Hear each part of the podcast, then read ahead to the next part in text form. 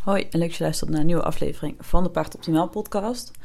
Mijn naam is Nienke en in deze aflevering wil ik het gaan hebben over zomerexeem.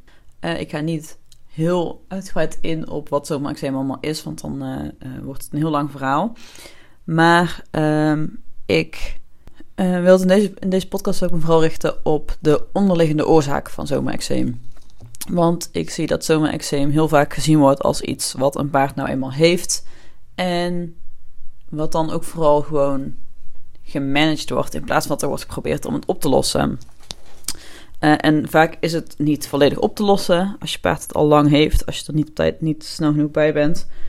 Maar um, als je er op de juiste manier mee omgaat, kun je het wel zo draaglijk mogelijk maken voor je paard. En je hoort vaak de mensen zeggen: jeuk is erger dan pijn.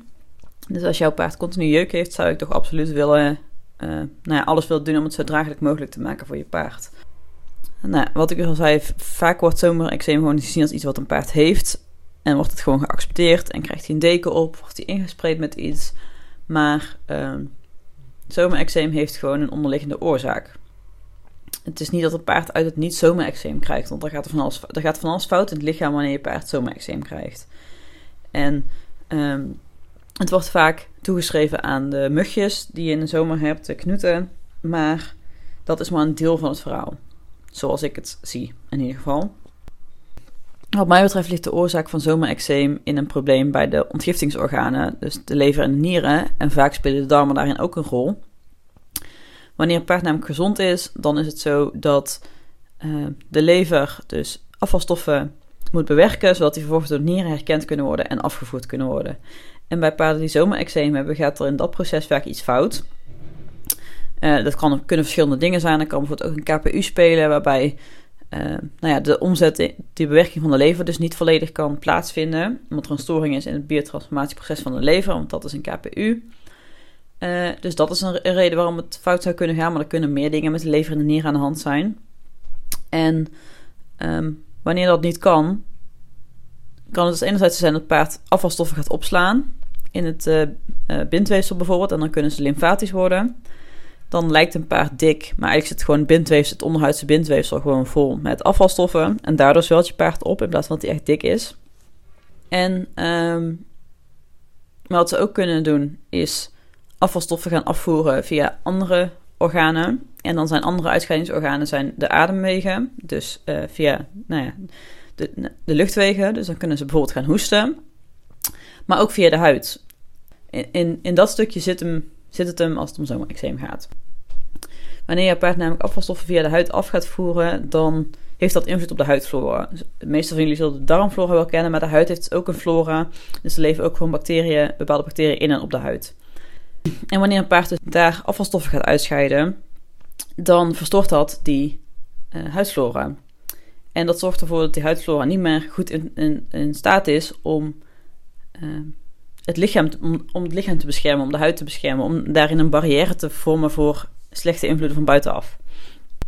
En op die manier kunnen er dus bijvoorbeeld ja, ongewenste micro-organismen kunnen, er, kunnen door de huid het lichaam inkomen en die kunnen daar in het weefsel voor ontstekingen zorgen. Die ontstekingen gaan jeuken, dus je paard gaat krabben. Nou ja, je paard, doordat uh, je paard gaat krabben, wordt de huid nog verder beschadigd. Dus wordt het nog makkelijker voor die ongewenste micro-organismen om in de huid te komen. Um, dus meer ontstekingen, dus je paard gaat nog meer krabben. En zo heb je eigenlijk een soort visueuze cirkel. En um, dit triggert de reactie van het immuunsysteem en daardoor wordt het immuunsysteem eigenlijk gewoon overactief.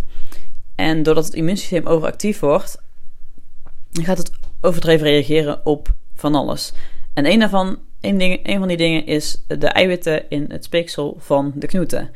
Dus dat, dat is het stukje wat, wat ja, die knoeten dus spelen als het gaat om zomerexeem. Maar daar gaat dus al een hele hoop aan vooraf. En eigenlijk zitten die knoeten maar pas aan het einde van, van de cyclus.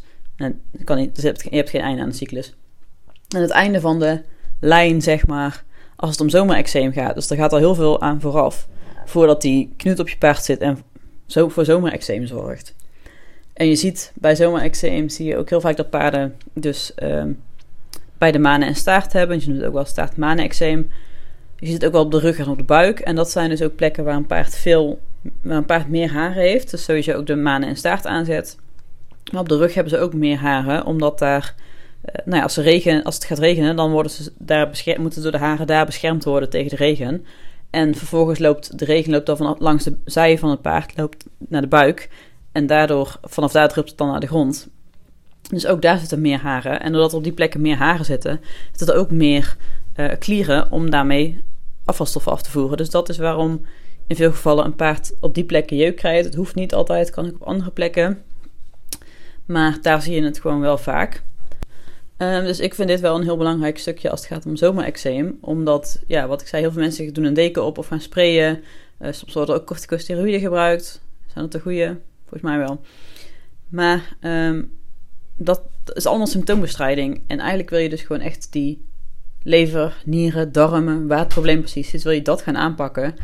En ik kan je niet garanderen dat zomerexeem dan weggaat. En in veel gevallen zal het ook niet helemaal weggaan. Maar je kunt het vaak wel een heel stuk draaglijker maken voor je paard. En ja, wat mij betreft moet je dat altijd willen.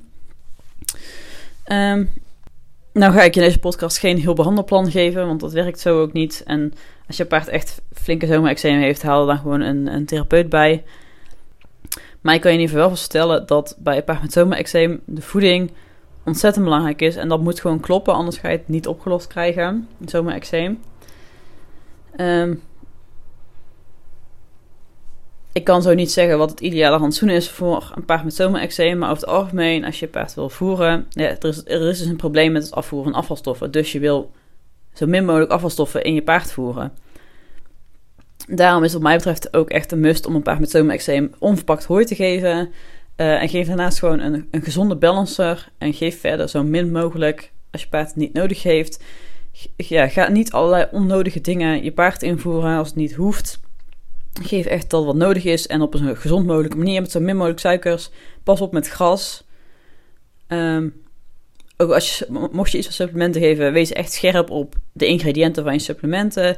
Let op met snoepjes, appels, suiker, nou, appels, wortels, gewoon al dat soort dingen. zijn allemaal extra suiker, wat je juist niet wil bij een paard met. En terwijl je eventueel therapeutisch bezig bent, kun je bijvoorbeeld wel ervoor kiezen om Um, om dan natuurlijk wel een deken op te doen. En het kan ook zijn dat dat ook gewoon nodig blijft als je paard daar comfortabel mee is. En sprayen ben ik ook niet tegen. Kies dan wel voor een enigszins natuurlijk product. Dus ga niet allerlei troep op je paard sprayen. Want uh, nou ja, de huid lijkt dat misschien, maar de huid is geen massief iets. Daar zitten gewoon gaatjes in. En als jij iets op je paard spreekt, dan wordt dat door die gaatjes, door die klieren, wordt dat gewoon opgenomen in het lichaam van je paard. Dus hou daar rekening mee als je met dingen die je op, op de huid van je paard spreekt. Um, maar die, ja, die, die symptoombestrijding dingen, die... Ik wil zeggen dat je dat niet moet doen. Want het kan echt wel zo dat je paard zich comfortabeler voelt. Maar doe niet alleen dat. En ga zoeken naar de oorzaak van het probleem bij je paard. Waar de zomerexeem vandaan komt. En ga dat aanpakken. Um, ja, qua voeding kan ik je daar absoluut mee helpen. Mocht je echt meer over zomerexeem uh, mocht je echt meer experts rondom zomerexeem willen hebben, dan kan ik je uh, de paardentherapeut aanraden. Uh, Horse Feel. De, Tessa van Horse Feel heeft ook een masterclass gegeven over um, zomerexeem. En Shirley van de paardentherapeut die gaat ook een um, online cursus geven over paarden met jeuk. En ik, ik, weet natuurlijk niet precies wat daar aan bod komt, maar ik, ik, voor zover ik weet zit daar redelijk op één lijn met mijn visie op zomerexeem. Dus ik denk dat dat zeker waardevol is. Um, dus ik, ja, ik wil jou als eigenaar vooral gewoon aanmoedigen om als je paard zomerexeem heeft, accepteer niet gewoon dat je paard zomerexeem heeft en ga op zoek naar de oorzaak en ga die aanpakken. En als je paard al oud is, als je paard al tien jaar zomerexeem heeft, dan ja, is de kans gewoon niet zo groot dat je het nog helemaal op gaat lossen. Maar iedere verbetering, verbetering is natuurlijk fijn. Maar als je paard nog heel jong is, dan uh, ja, is dat natuurlijk wel heel vaak meegenomen als je, nog, als je het in ieder geval kan minimaliseren. En sowieso, als een paard al heel jong zomerexeem ontwikkelt, um, dan komt dat mijn inzien over het algemeen vanuit de moeder. En dan had het paard waarschijnlijk een merrie met een slechte darmflora. En een slechte, nou ja, een zomerexeem is niet genetisch overdraagbaar, maar als de moeder een slechte darmflora heeft en vervolgens gaat veulen de mest van de moeder eten, om ook een darmflora op te bouwen. En ja, dat is dus een, een slechte darmflora.